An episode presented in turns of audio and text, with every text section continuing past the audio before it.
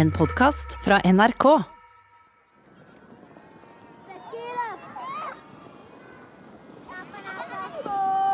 En gjetergutt fra Zululand med bare folkeskolen blir president i Sør-Afrika. Er det mulig? Dette er historien om den barbeinte Jacob Zuma, som kjempet seg til topps som statsleder, men som underveis mistet sitt moralske kompass og til slutt ble avsatt i vanære. For han og vennene hans hadde bestemt seg for å rane staten og de klarte det. Det har kostet landets befolkning 250 milliarder kroner. Toms afrikanske fortellinger. Jeg heter Tom Christiansen. I mange år var jeg korrespondent for NRK i Afrika. Der traff jeg mange helter og frihetskjemper og like mange korrupte ledere. Jeg så hvordan noen råtnet av makt og pengebegjær, og ble de verste.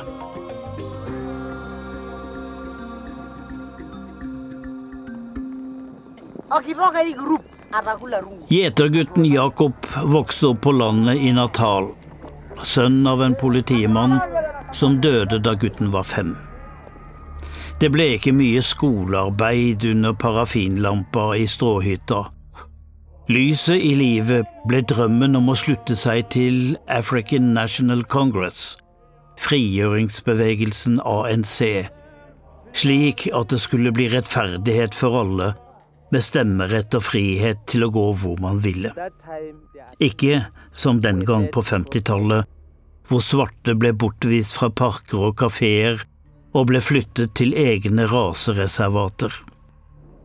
There's no other alternative for me that I must go and fight for the good cause of my future. Tenåringen ble rekruttert til Unkontovesisve, nasjonens spyd, altså den væpnede del av ANC. Mandela var lederen. Den nye rekrutten lyktes ikke som soldat. Jakob ble arrestert sammen med 45 andre ungdommer som var under militæropplæring. Han fikk ti fengselsår på Robben Island. Mens han satt der, kom Nelson Mandela etter. Etter soning flyktet han til Mosambik og seinere til Lusaka i Zambia. Der hadde ANC sitt hovedkvarter.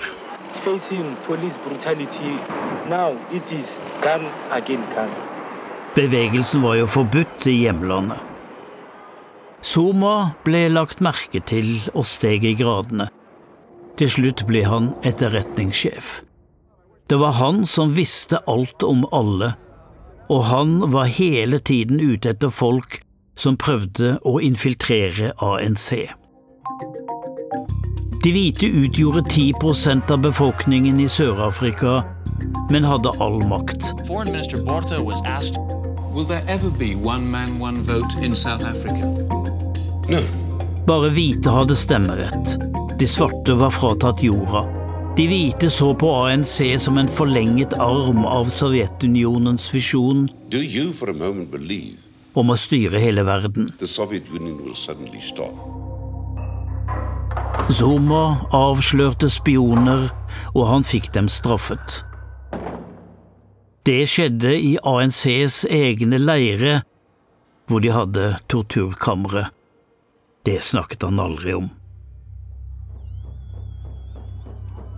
Det er når du ser Zuma danse du skjønner at her gjelder andre regler. Han stamper beina i bakken. Han har bar overkropp med et leopardskinn over skuldrene. Shortsen er pyntet med hengende dyrehaler. Han danser for regn og avling, fruktbarhet og forfedre. Rundt ham danser konene og forloveden. Han har fire-fem, avhengig av hvordan man regner. Han begynte tidlig, for polygamiet er en krevende øvelse. Kone nummer én, Nkosasana, forsvant ut etter en skilsmisse. Kone nummer to, Gertrud, er blitt 80 år og regnes som førstekona. Nummer tre, Kate, begikk selvmord. Men han fylte på. Senere kom Nompulelelo, Tobeka og Gloria. Han har 15 barn med dem og 6-7 med andre damer.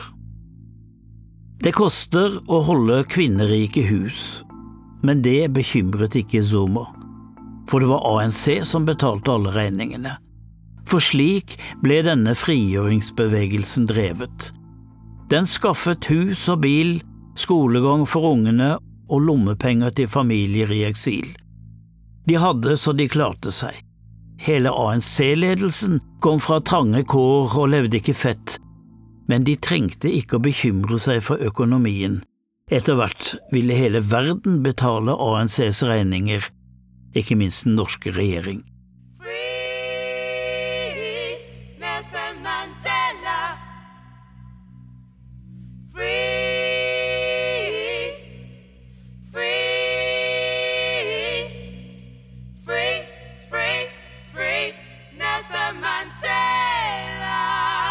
The steps that have been decided are the following.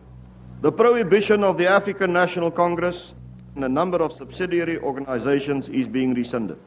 I 1990 annonserte president F.W. de Klerk at apartheid skulle avvikles og forbudet mot ANC oppheves. Da kom de fram, fangene fra Robben Island, geriljasoldatene fra nabolandene og politikerne som hadde vært i eksil.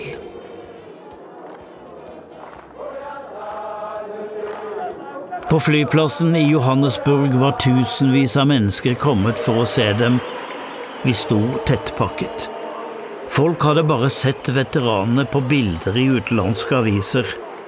Levende sto de her og hilste sjenert med hånda. En av dem kom fra Oslo. Abdul Minti, økonom og forsker, fra sitt rekkehus på Lindeberg hadde han ledet verdenskampanjen mot militært og kjernefysisk samarbeid med Sør-Afrika.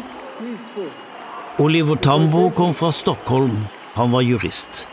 Thabo Mbeki hadde bodd i London, men kom nå fra Zambia. Han var økonom.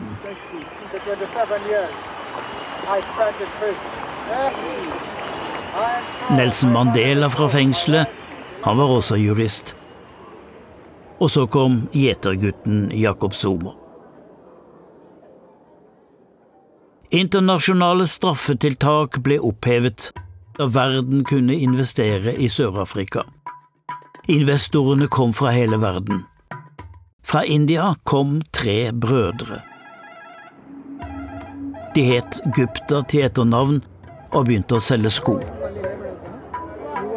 Men de hadde erfaring fra grå, lurvete business deres vidløftige far ønsket å se sine sønner som rike forretningsmenn, så han hadde sendt dem til Singapore. Der drev de tuskhandel og kjøpte piratkopier av elektroniske apparater, for så å selge dem som originalvare. Det var alt fra mobiltelefoner til datamaskiner, og nå mente far at rikdommen lå i Johannesburg. Jakob Zuma dro hjem til KwaZulu-Natal og gikk rett i mekling om fred mellom ANC og det regjeringsvennlige Inkata-partiet, og den fryktelige volden stilnet. Så steg han i gradene. Det var der jeg møtte han første gang. Med bar overkropp sto han på en scene og danset, og så sang han kampsangen fra krigen som var over, Gi meg mitt maskingevær. Med folkelig sjarm og politisk kløkt vant Zuma hjerter og hoder. ANC hadde tatt spranget fra å være en væpnet frigjøringsbevegelse til å bli et politisk parti. Til manges overraskelse ble Zuma visepresident. I mange år hadde Zuma fått hjelp med penger fra en venn i Durban, den frynsede forretningsmannen Shabir Sheikh. En mann med falske papirer og tvilsomme metoder. Da Zuma kom hjem fra eksil, var det Shabir Sheikh som hjalp ham til rette. Shabir Sheikh dekket det han trengte. Han ga Zuma rentefrie lån uten noen dato for tilbakebetaling. Senere, i stillhet, avskrev han lån for millioner. Han var Somas rådgiver i pengesaker. Hvorfor var han det? Shabir Sheikh ville ha kontrakter med staten, og han så at Zuma var på vei mot toppen. Sør-Afrika forhandlet med det franske våpenselskapet Thomsen CSF om levering av fem fregatter. Den kontrakten ville sjeik ha fingrene i, og Zuma formidlet kontakt. Slapp sin rådgiver inn på middager og sammenkomster. Til slutt var sjeik i ferd med å ordne en avtale som ville gi Zuma 300 000 kroner under bordet årlig mot at visepresidenten ordnet kontrakten og holdt andre borte. Sør-Afrika hadde nå en egen forhandler i Forsvarsdepartementet som kunne tatt seg av våpenhandelen. Det var Chippy, broren til Shabir Sheikh. Samtidig begynte Sør-Afrikas økokrimenhet, Skorpionene, å interessere seg for Sheikh og Zuma. Hvordan kunne visepresidenten holde seg med en ualminnelig ekstravagant levestandard? Hvor kom pengene fra? Når de begynte å sjekke bilag, viste det seg at Zuma hadde opprettet et fond for penger til vanskeligstilte barn i KwaZulu-Natal. Penger som ingen skal få vite hvor kommer fra, blir plassert her. Blant dem en ytelse fra Nelson Mandela og de pengene kom nok aldri fram til noen fattige unger. De undret seg også over Zumas byggeplaner. På hjemstedet satte han om et privat palass, ja, en helt landsby. Men hvem betalte? Shabir Sheikh ble tiltalt og dømt i 2004. Han fikk 15 års fengsel for korrupsjon og svindel. I dommen sto det Shabir Sheikh har hatt et korrupt forhold til visepresident Jacob Zuma.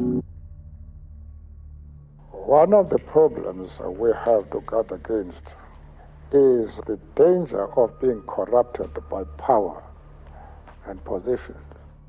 Nelson Mandela var ikke lenger president, men han var bekymret over all korrupsjonen han så og den gamle hadde merket seg at dette var ingen arv fra apartheidregimet.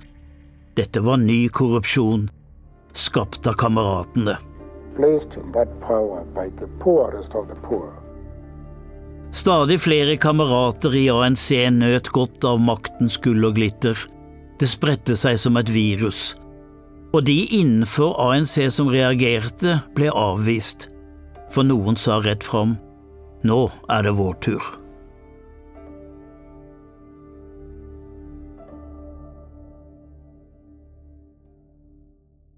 Etter avsløringene skulle man tro at Zuma voktet seg, ble litt mer forsiktig og lå lavt. Det gjorde Zuma ikke. Og en dag møtte han tre indiske brødre på en fest han var invitert til. Brødrene Gupta. De var i gang med småforretninger og bygget sitt nettverk. De traff en av de ansatte ved presidentens kontor, som for øvrig også var inder, han og andre ble invitert til store middager, og dit kom også Soma, som viste fram sin sønn Dudusane. Hey, Dr. Sunny. How are you? All right, All right. Yeah, yeah, you okay? Good, good. It's good to see you. The pleasure's mine. Good to see you too, sir. Ikke lenge etter var Somas sønn ansatt som direktør i Egyptas investeringsselskap. I en alder av 25 år ble Dudusane direktør og dermed mangemillionær. Så fikk søstera Dudusile jobb samme sted. Hun ble direktør fra Sahara Computers. En av konene til Zuma fikk også jobb som PR-agent. På denne tiden, i 2006, begynte ryktene å løpe om at Zuma skulle ha voldtatt en kvinne. Endog en hiv-positiv datter av en kamerat fra tida i eksil. En visepresident som voldtektsmann? Avisene ryddet førstesidene. Han ble stevnet og måtte møte i retten i Johannesburg. Der kom alt for en dag. Zuma og hans datter hadde fått besøk av Kwesi, en 31 år gammel venn av familien. Hun var kledd i en tekkelig bluse og med en lang kanga, et afrikansk omslagsskjørt. Etter sen middag fikk hun gjesterommet, og det var dit en halvnaken Zuma kom utpå natten og tilbød massasje. Hun avviste ham, men han var kåt og pågående. Hun avviste ham igjen da han tok av seg klærne. Så presset han seg inn i den hiv-positive gjesten. Hun fortalte siden at hun var vettskremt og torde ikke gi en lyd fra seg. Zuma satt slukøret på benken i Johannesburg lagmannsrett og stirret forlegent på dommeren. Men så måtte firekonersmannen fortelle. Jo, han hadde hatt sex med Kvesi, men hun hadde på seg et omslagsskjørt, og det var jo som å be om det, så hun var med på det. Ja, var hun det? spurte dommeren. Ja, sa visepresidenten. Hun var jo både våt og kåt, og i zulukulturen kan ikke en mann forlate en kvinne som er i den situasjonen. Det var en side av zulukulturen som få hadde hørt om før. Men visste du ikke at hun var hiv-positiv, spurte dommeren. Jo da, sa Zuma, men jeg tok en dusj etterpå. En dusj? Det trodde lederen av Sør-Afrikas statlige hiv-aids-kommisjon beskyttet mot en dødelig sykdom. Dommeren sa likevel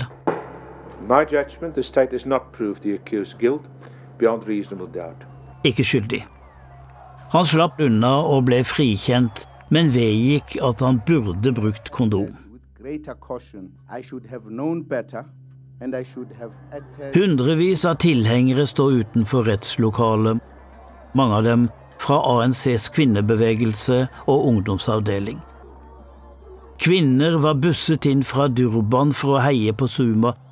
De skrek at den hiv-positive fornærmede var ei hore. De sang, og Zuma selv kom ut og ledet allsangen Gi meg mitt maskingevær. Zuma triumferte mens den hiv-positive kvinnen måtte rømme landet. Dette var en seier for demokratiet, sa Zuma. Hans kvinnehistorier og korrupsjonsmistanker ble for mye for president Thabo Mbeki og ledelsen i ANC. Zuma ble avsatt som visepresident, formelt for å få bedre tid til å forberede rettssakene som skorpionene nå forberedte. 738 tiltalepunkter er gjort klare, og Zuma har fått 18 skarpskodde statsbetalte advokater til sin disposisjon. De har ikke mye å vise til, så de leter etter saksbehandlingsfeil og formalprosedyre. Men fortsatt har han innflytelse helt til topps i ANC noen liker hans folkelig radikale form, andre har knyttet sitt korrupte liv til Zuma.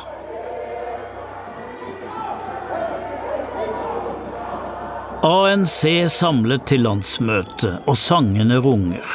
Firstemt. De hyller lederne, sosialismen, landet. De står i kampen, og den forsmådde Zuma, som ikke lenger er visepresident, klarer å bli valgt til ANCs leder. Hadde de glemt voldtekten og korrupsjonssakene? Det var så lett å forklare. Han hadde jo gått fri i retten, og korrupsjonen var ennå ikke kommet for domstolene. Med sin nye posisjon i partiet presser Zuma nå ut Tabo Mbeki fra presidentrollen og innsetter en midlertidig. Zuma hadde gjort forarbeid. Han sikret seg oppslutning blant ungdommen i partiet og i Kvinneligaen, hvor hans ekskone var leder. så ble han selv valgt til president i 2009. Han fikk sin hevn over taboen Beki, som hadde fjernet ham. I april 2013 dukker en liten notis opp i en lokalavis i Pretoria. Et privatfly, en Airbus, hadde landet på den militære flyplassen Watercloof. Landingen brøt med sikkerhetsinstruksen, og det var merkelig at politiet tok seg av passasjerene. En lokal journalist spurte hvem som hadde gitt tillatelse, og fikk til svar at det var noen høyere opp, og til slutt ble det hvisket de trodde det var number one, altså president Jacob Zuma. Hva hadde han med dette å gjøre? Flyet hadde kommet fra India med 200 bryllupsgjester, og de ble mottatt som vipper. De skulle alle til underholdningsparadiset Sun City, hvor festen skulle stå. Det ble et Bollywood-bryllup med glitter og stas, og hadde noen sett nøyere etter, ville de oppdaget fire ministre blant gjestene. Da begynte jakten på sannheten, for Soma var jo en nær venn av verten for bryllupet. I tillegg til at to av presidentens barn var blitt direktører hos Gupta, hadde også en av konene fått jobb. Guptaene var nå involvert i gruvedrift etter å ha fått billige statslån. Gupta-navnet hadde kommet opp i forbindelse med at de startet en avis, og nå viste det seg at Soma var innblandet. Bladet fikk hele statens pott for offentlige annonser og var påfallende Zuma-vennlig. Siden startet de også en Zuma-vennlig TV-stasjon. Og nå tar det av. Brødrene Gupta trenger å ha velvillige folk i statsadministrasjonen for å få til sine avtaler og prosjekter. Og Zuma setter inn Gupta-folk der det trengs. Brødrene trenger å få kontrakter med landets elektrisitetsforsyning, Eskom. Plutselig sitter det fire Gupta-folk i styret. Planen er at de skal bygge russiske atomkraftverk som skal fyres opp med uran fra Gupta-brødrenes gruver. Hva skjer? Ingenting, sa brødrene selv. Vi bare prater med dem. We sit with them and talk. What is the problem? Problem Gupta name. So I said, let's resign. You run the business. You people are running this. I invite to anybody. Den ytterst renhårige skatteetaten i Sør-Afrika hadde begynt å etterforske disposisjonene og skatteligningen til brødrene. Da setter presidenten et internasjonalt konsulentbyrå i gang med å lage svertekampanjer rettet mot navngitte skatteinspektører.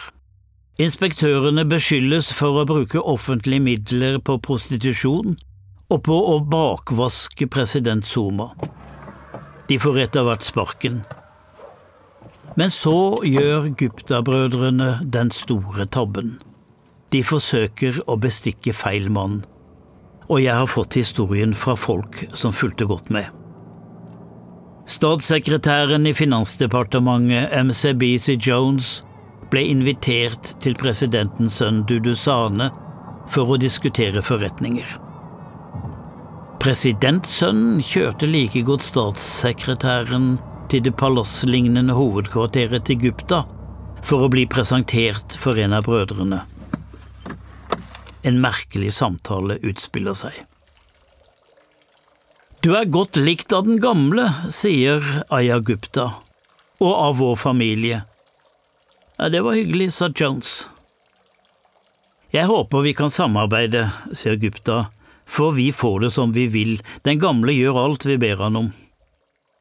Statssekretær Jones tror det bare er tøys, men så kommer det. Vi vil gjerne at du overtar som finansminister. Det vil number one også. Til gjengjeld vil vi tilby deg 45 millioner dollar for å holde unna dem som vil hindre byggingen av russiske atomkraftverk. Pengene de kan utbetales i Dubai, eller her og nå. Har du en bag? Statssekretær Jones avslo i sinne, og da han sjokkert var på vei ut, sa Gupta. eh, dette blir mellom oss, Jones. Går du videre med dette, så… Og så strøk han fingeren over strupen. Jones tenkte seg om flere dager, og så sa han ifra. Members of the Gupta family offered me the position of Minister of Finance to replace the then Minister Nene. I rejected this out of hand. Uka etter rystelsen forsvant Gupta-brødrene.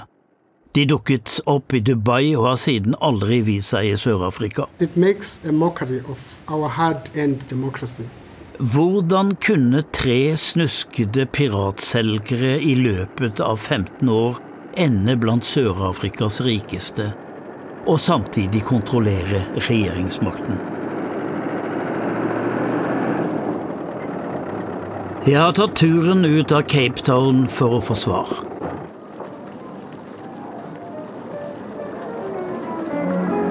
I landsbyen Ribek Kastel brytes idyllen av livlig jazzmusikk på vertshuset The Red Tin Roof, med rødt blikktak og en lang, overbygd veranda mot veien. Her sitter folk i sofaer og lenestoler og nyter en kald hvitvin. Inne er veggene dekorert med gamle plakater av revolusjonære helter. I gangen inn mot toalettet er en helside fra en gammel avis satt i glass og ramme. De som stjal pengene våre, er overskriften. Han som skrev den reportasjen, heter Jacques på, og det er han som eier vertshuset. Han passer pizzaovnen på kjøkkenet og skjenker kortreist vin, men trekker seg gjerne tilbake til kontoret i annen etasje for å skrive. Eller han sitter på verandaen og snakker med gjestene. Det var Jacques Pau som i 2017 skrev boka Der alt kom for en dag. Den het Presidentens voktere, med undertittelen De som holdt ham ved makten og utenfor fengselet. Nå sitter han på verandaen og forteller om hva slags beløp det dreide seg om. Trillioner. I had to look on the internet how many notes when I had to trillion. Jeg har fulgt ham i alle år, stjernereporteren. Han satte til slutt sammen bitene om Somas korrupsjon, og kildene var dem presidenten hadde dyttet ut av jobbene sine. Konklusjonen var ikke til å tro. Soma var i gang med å omorganisere staten slik at han og hans medsammensvorne kunne plyndre statskassa uten å bryte loven. Det ble kalt The State Capture, den store statsplyndringen. Boka ble til i hemmelighet. Nyheten om innholdet sprakk ikke før bøkene lå i bokhandlene. Regjeringen beordret forlaget om å stanse boka, men det var for sent. Den ble utsolgt på én dag. Politiet rykket ut til The Red Tin Roof i Ribek Castell for å beslaglegge beviser, men mens forfatter På oppholdt politiet, fjernet kokken og en kelner alt følsomt materiale som allerede var stuet ned i en bag. Og Jacques På undret seg. Hvorfor går politiet etter meg? Hvorfor går de ikke etter de korrupte som har fått sine ugjerninger avdekket i boka?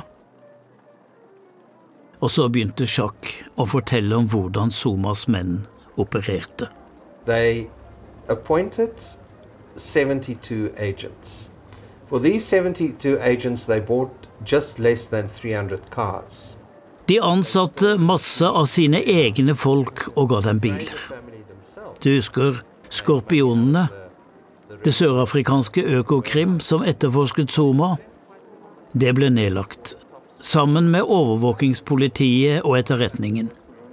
De ble erstattet av nye etater. The Scorpions ble til The Hawks, haukene. De som etterforsket korrupsjonen, ble satt til andre oppgaver, og dokumenter forsvant. Skatteetaten mente Zuma og guptaene hadde unndratt millioner i skatt. Den etaten fikk plutselig ny leder, en venn av Soma. Han fjernet dem som jobbet med ligningene til Zuma og hans menn.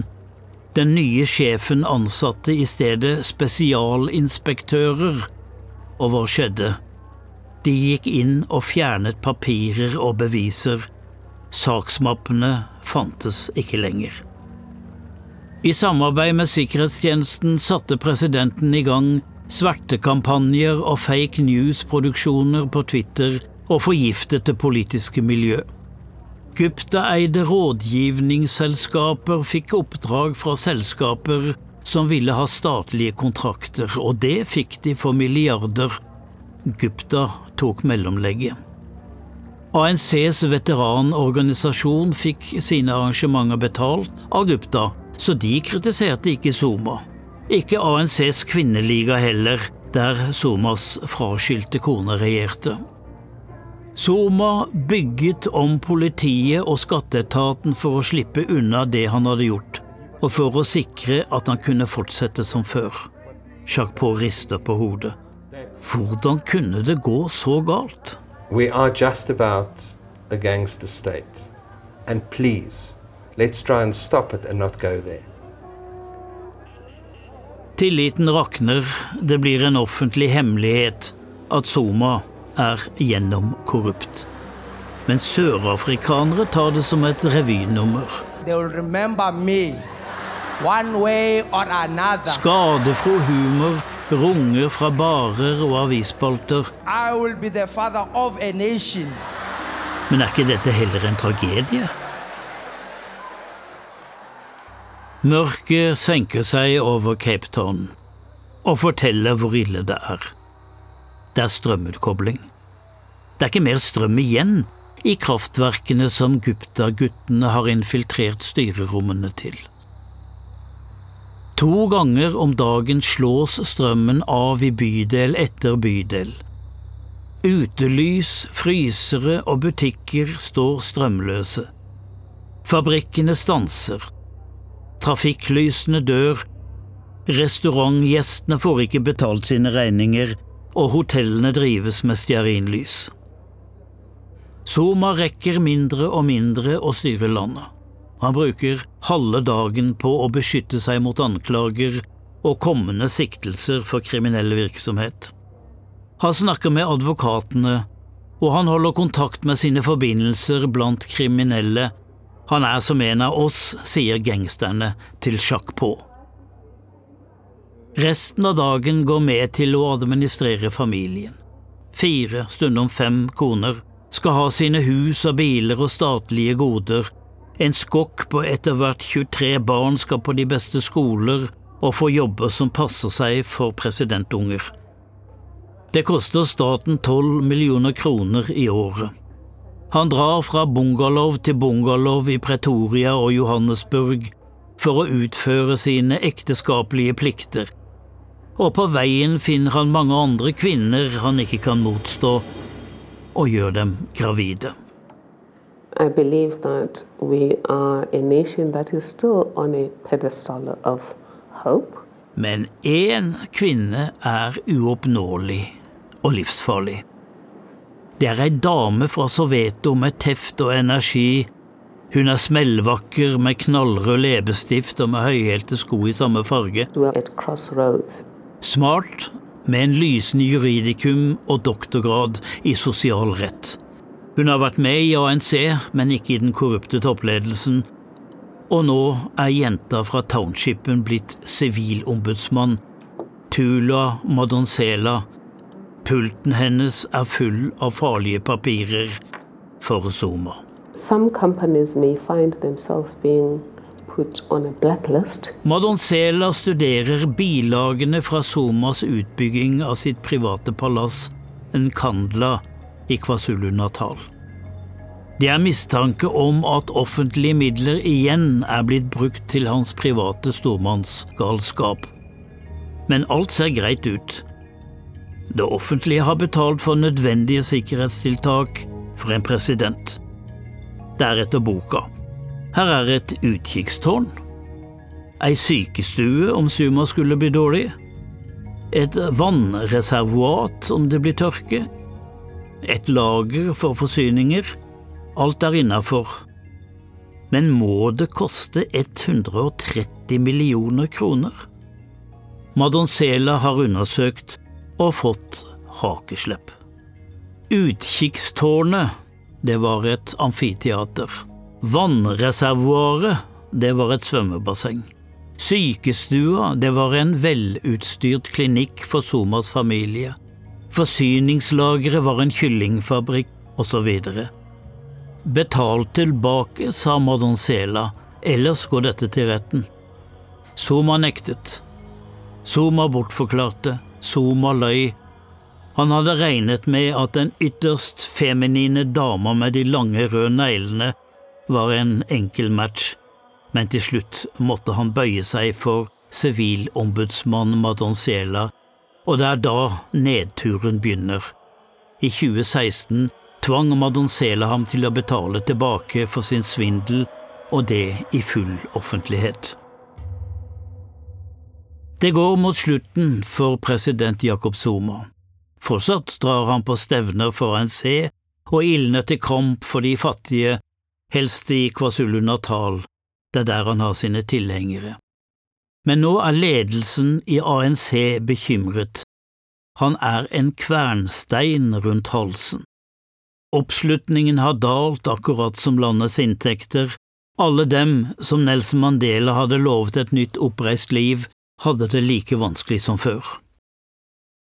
Da er det at Cyril Ramaphosa trer fram. Fellow South Africans, I believe that our country has entered a period of change. Det er den gamle lederen av Gruvearbeiderforbundet, sjefsforhandleren da demokratiet ble innført og Mandela ble valgt. Mannen som ble forretningsmann. Nå hadde han tjent sine millioner og ville tilbake til politikken. ANC gjorde ham til landets visepresident under Zuma. Nå bruker han sitt forhandlingstalent til å skyve presidenten til side. Demonstrasjoner mot Zuma har krevd menneskeliv. Landet kan ikke ha en president som skaper vold. Og dessuten samler han ikke partiet lenger. Zumas tilhengere kjemper drabelig for ham, men i toppledelsen blir det til slutt flertall for å be ham om å gå. Zuma skjønner han må gi etter, og ba til slutt om å få med seg noen fordeler ut bakdøra men fikk det ikke.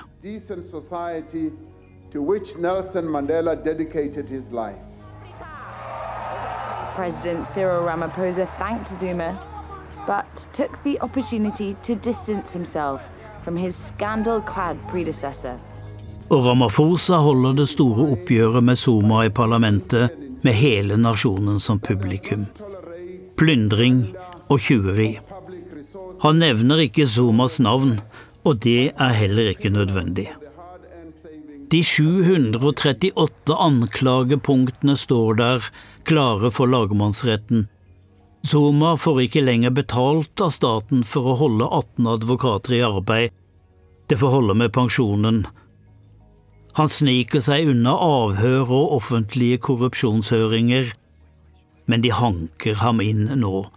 Han slipper ikke unna. Han ydmykes i full offentlighet, og Cyril Ramaphosa har satt navn på den korrupte Jacob Somas innsats for Sør-Afrika. De ni fortapte år, men de er over nå. For nå vil Sør-Afrika tilbake til løftene fra Nelson Mandela om hvordan det nye livet skulle bli. Let there be justice for all. Let there be peace for all. Let there be work, bread, water, and salt for all.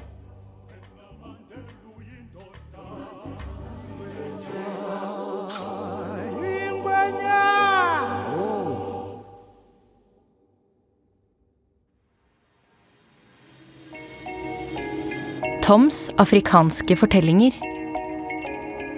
Du kan høre flere episoder av Toms afrikanske fortellinger i appen NRK Radio. Denne podkasten er laget av Tom Christiansen. Klipp og lyddesign var ved Øystein Vesaas, og Marius Kristiansen har laget musikken. Produsert av Svarttrost Produksjoner. Redaktør i NRK er Gitte Kalmeier. Du har hørt en podkast fra NRK. Hør flere podkaster og din NRK-kanal i appen NRK Radio.